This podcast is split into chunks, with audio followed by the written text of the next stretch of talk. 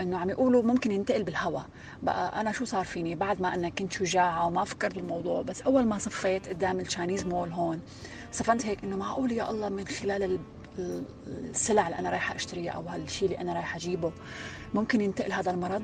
آه مثل حبابة لفيت ورجعت وما استرجيت رغم إنه أنا عاملة حالي شطورة وبطلة وما بس الواحد غصب عنه يعني بالغريزة ما بيقدر ببعد عن هيك أماكن بكل أسف.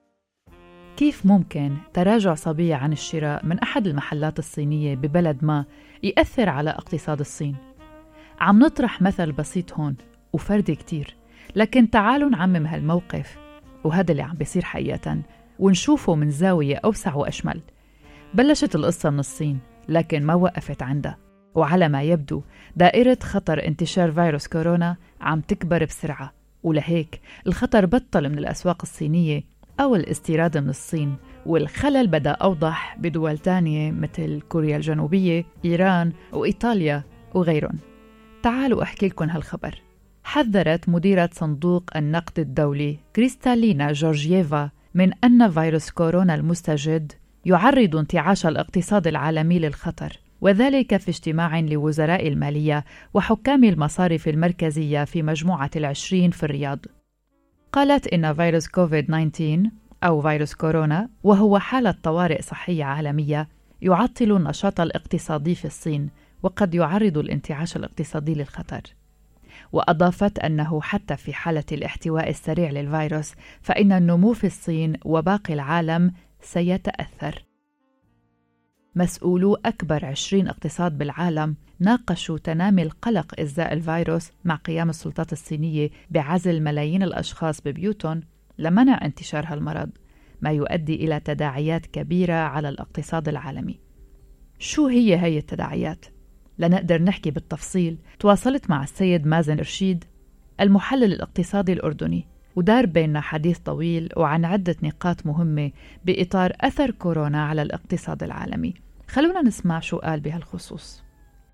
أول شيء تأثير فيروس كورونا. بدأت تأثيراته على الأسواق العالمية المالية. بجميع القطاعات المالية سواء كانت أسهم أو سندات أو ذهب مش بس على الجانب الاقتصادي ولكن أيضا على الجانب الثقافي والاجتماعي والفني وغيره. طبعا كلما أدى إلى سرعة انتشار وتفشي هذا الفيروس راح يكون تأثيراته السلبية اقتصاديا وجميع النواحي الأخرى رح تكون طبعا أكثر سوداوية. لاحظنا أنه بدأ ينتشر في كوريا الجنوبية قبل يومين كنا بنسمع أنه حوالي 100 إصابة الأرقام عم ترتفع بشكل كبير معناته في مشكلة فيما يتعلق بتفشي هذا المرض تحديدا. وإحنا بنعرف إنه الصين قوة اقتصادية تعتبر الثاني أكبر قوة اقتصادية في العالم بعد الولايات المتحدة. ولما ينتشر إلى دول اقتصادها قوي جدا ولها دور كبير على النظام الاقتصادي العالمي مثل كوريا الجنوبية. رح يكون له تداعيات سلبية. طلبت منه يحكي لي بالتفصيل عن هالتداعيات السلبية ويخصنا بالحديث عن أثر هالتداعيات على الدول العربية. طبعا لو بدنا نيجي نتحدث عن سلبيات أكيد الاقتصاد في الدرجة الأولى لأنه بنعرف إنه مدى أهمية الاقتصاد الصيني في التصدير والاستيراد والتبادل التجاري الموجود بين الصين ودول العالم. نتكلم عن بضاعة نوعا ما في مختلف تصنيفاتها خلينا نقول في هنالك جودة ممتازة جدا وأقل جودة ولكن بضل أسعارها ضمن المعقول بالنسبة لمعظم سكان هذا الكوكب. وبالتالي رح يتأثر بشكل كبير الدول اللي بتعتمد على صادرات الصين خصوصا الدول العربية مثلا ودول أخرى. إحنا في الأردن في لبنان في دول شمال أفريقيا وحتى دول الخليج الحقيقة بتستورد كميات كبيرة وخصوصا آخر عقدين لاحظنا هنالك التبادل التجاري مع الصين عم بيسجل ارتفاعات كبيرة جدا. إذا إلى جانب أنه هالفيروس أودى بحياة أكثر من ألفي شخص بالصين ودفع السلطات لقطع وسائل النقل وإرغام الشركات على إغلاق أبوابها ومع اعترافنا جميعا بأنه هذه وقبل كل شيء مأساة إنسانية لكن إلى أيضا مثل ما هو واضح ومثل ما قالت مديرة صندوق النقد الدولي أثرها الاقتصادي السلبي وأكبر مما يمكن تخيله. وأشارت مديرة صندوق النقد الدولي إلى أن تفشي المرض سيفقد النمو العالمي حوالي واحد بالعشرة نقطة مئوية ويحجم الاقتصاد في الصين إلى 5.6% خلال العام الجاري بانخفاض 0.4% عن تقديرات مطلع العام الحالي. وتوقعت جورجيفا أن يؤدي التأثير الاقتصادي للوباء إلى انخفاض حاد في الناتج المحلي الإجمالي للصين يليه انتعاش قوي. لكنها حذرت من أن الوضع قد يترك عواقب وخيمة على الدول الأخرى حيث بدأ الوباء ينتشر. رح يحكي لنا هون السيد مازن إرشيد الخبير الاقتصادي رح يحكي لنا أكثر عن بعض الشركات الكبيرة اللي تراجعت أسهمها بشكل حاد. وأكيد سمعنا عن شركة أبل اللي تراجع ساهم بشكل كبير خلال الفترة الماضية. لاحظنا أنه إعلان شركة أبل بأنه هنالك آه، تخوف كبير وواقعي بأنه أرباحها قد تسجل آه، آه، تراجع حاد لأنه هنالك مصانع معروفة لشركة أبل اللي بتصنع منتجاتها بمختلف أنواعها في الصين وبالتالي هنالك إغلاق مؤقت لهذا المصنع في الصين وبالتالي راح تأثر بشكل كبير على ربحية شركات التكنولوجيا من ضمنها أبل ومن ضمنها شركات أخرى في العالم في أوروبا وفي آه، شرق آسيا وفي الولايات المتحدة وغيرها.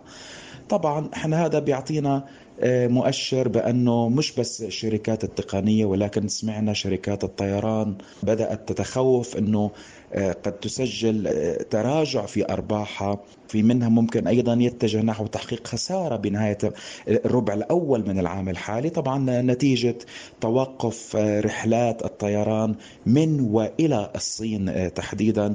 وإحنا بنعرف مدى يعني ارتفاع هذا النشاط الجوي تحديدا. آه، مع آه، آه، الشريك التجاري اللي هي مثل قوة الصين وغيرها. نحن نعيش في عالم يعاني اقتصاده من الهشاشة ومع هذا التأثير الذي يخلفه هذا الوباء المسمى كورونا لن تقف مسألة العجز أو التراجع في الناتج الاقتصادي العالمي على الصين.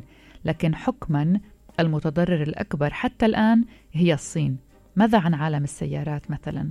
تصنيعها وتصديرها مش بس من الصين ولكن أيضا آه، قد ينتشر ذلك إلى كوريا الجنوبية وهنالك تخوف آه، أيضا من شراء منتجات من كوريا لأنه لاحظنا حدة تفشي هذا المرض بدأ يأخذ وتيرة أسرع.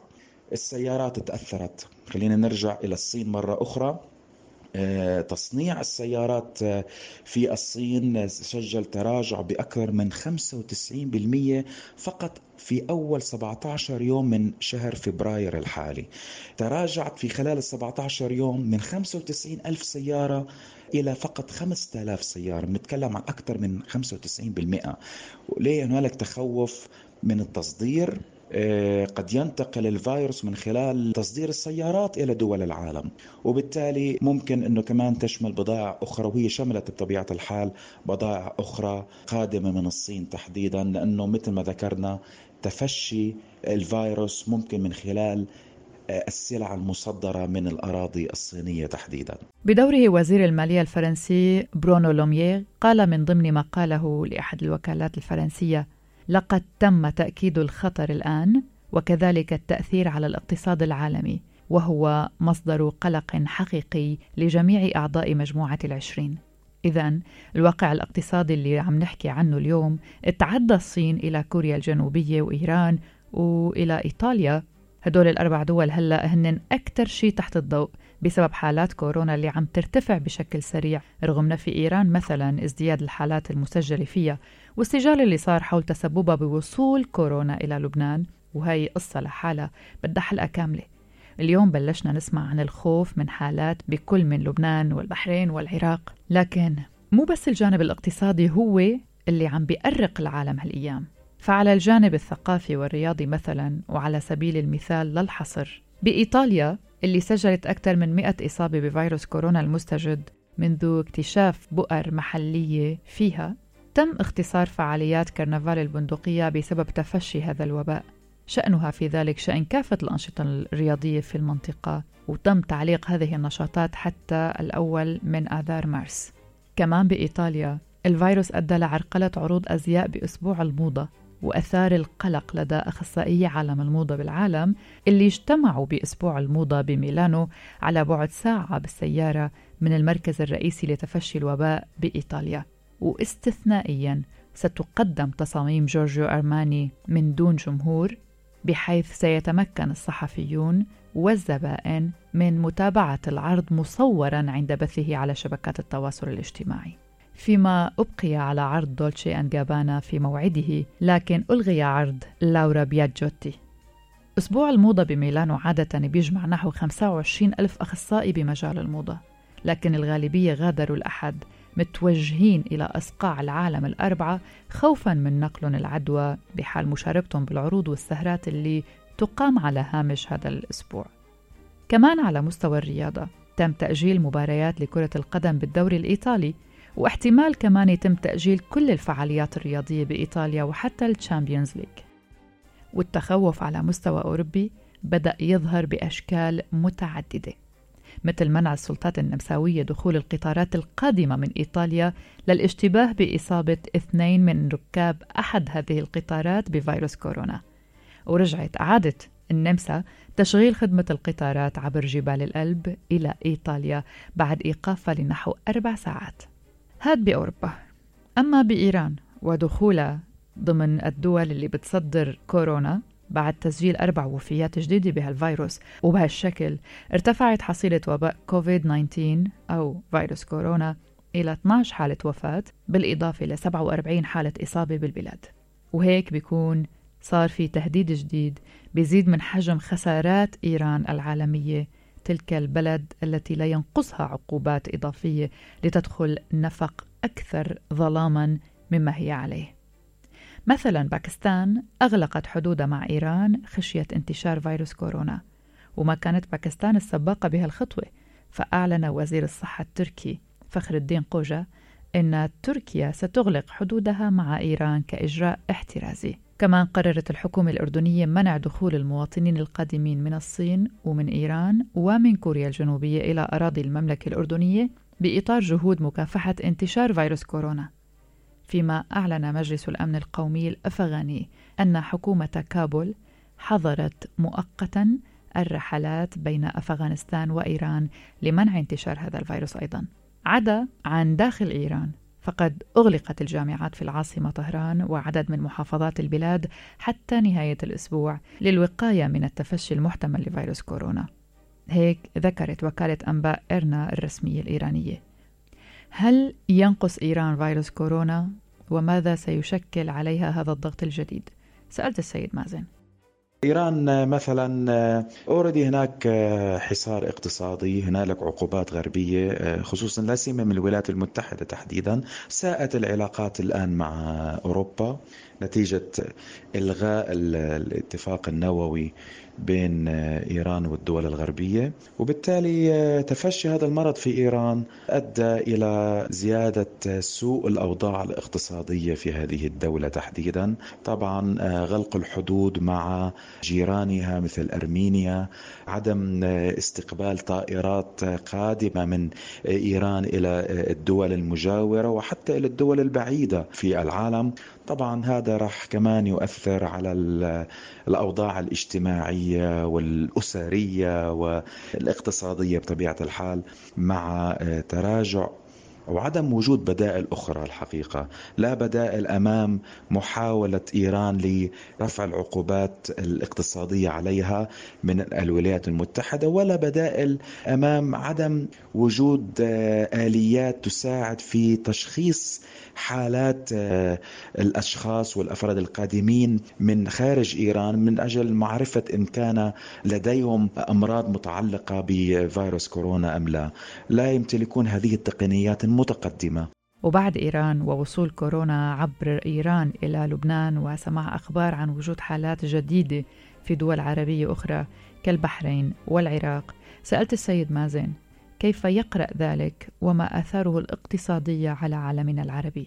يعني نظرة سريعة على مؤشرات الأسهم العالمية والخليجية والعربية حتى في الرياض المؤشر اليوم أغلق متراجع بأكثر من واحد ونص بالمية في قطر نفس الشيء والكويت. هنالك تخوف طبعا هذا التراجع في الأسهم الخليجية حتى هذه اللحظة نتيجة تراجع أسعار البترول. البترول أيضا متراجع بأكثر من 3% اليوم. آه، طبعا إحنا بنعرف إنه كلما كان هنالك تراجع آه، في أسعار النفط. معناته العوائد النفطية الخليجية رح تتراجع بشكل كبير وإحنا بنعرف دول الخليج بتعتمد على 90% من إيرادات الدولة هي عائدات آه، من النفط. وبالتالي لاحظنا اليوم تراجع الأسهم الخليجية بشكل كبير. ونفس الشيء فيما يتعلق بالبورصات الأوروبية. Financial Times في لندن متراجع أكثر من 3.5 CAC في فرنسا أيضا أكثر من 3% في إيطاليا أكثر قريب ال 5% هنالك واضح أنه في نوع من الهلع بدأ ينتشر في أسواق المال لا سيما أسواق الأسهم مع الأخبار اللي بتتحدث عن آه، ارتفاع وتيرة آه، تفشي هذا المرض. في أنحاء العالم.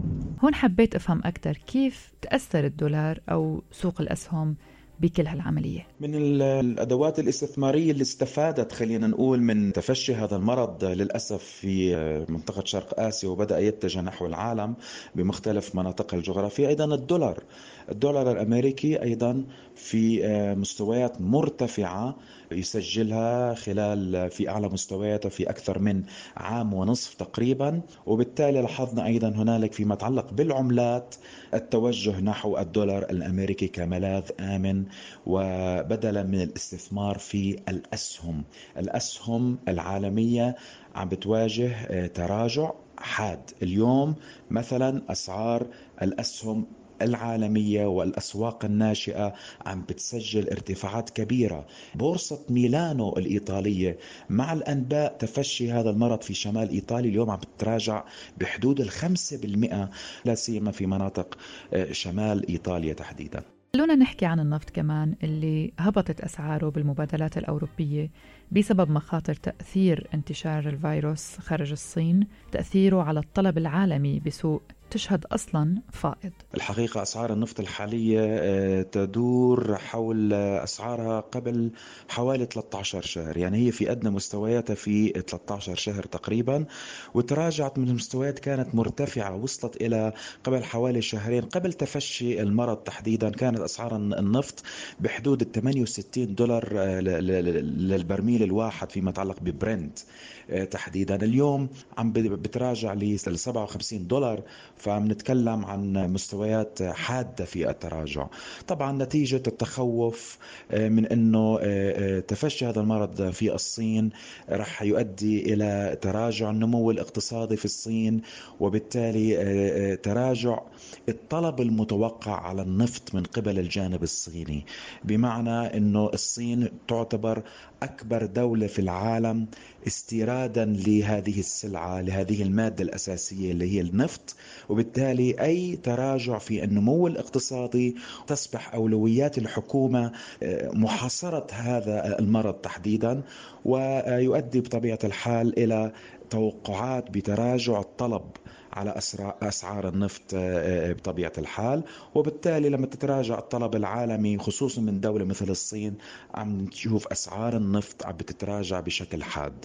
طيب غير الدولار هل هناك أي ملاذات لاستثمارات آمنة؟ أو بنفهم من الحكي أنه الاقتصاد العالمي عم ينهار؟ سألت السيد مازن شو وضع الذهب؟ خصوصي بعد ما لاحظت الناس عم تحكي عن ارتفاع بأسعاره بهاليومين. هل له الموضوع علاقة كمان بكورونا؟ فيما يتعلق بالذهب الحقيقة الصورة معكوسة بشكل كبير لأنه الذهب يعتبر من ملاذات الاستثمار الآمن بمعنى إنه كلما كان هنالك صورة ضبابية في المشهد العالمي أو مثلا أزمات جيوسياسية حرب أو هنا أو هناك أو حتى فيما يتعلق بمرض قد يؤثر على النمو الاقتصادي العالمي يتجه المستثمرين في العالم نحو الملاذ الآمن اللي من ضمنها الذهب وعم بنشوف إنه بيسجل ارتفاعات تعتبر الأعلى في آه، سبع سنوات تقريبا تحديدا من عام 2013 عم توصل لمستويات قريبة من ال 1650 دولار للاونس آه، الواحدة الأوقية الواحدة.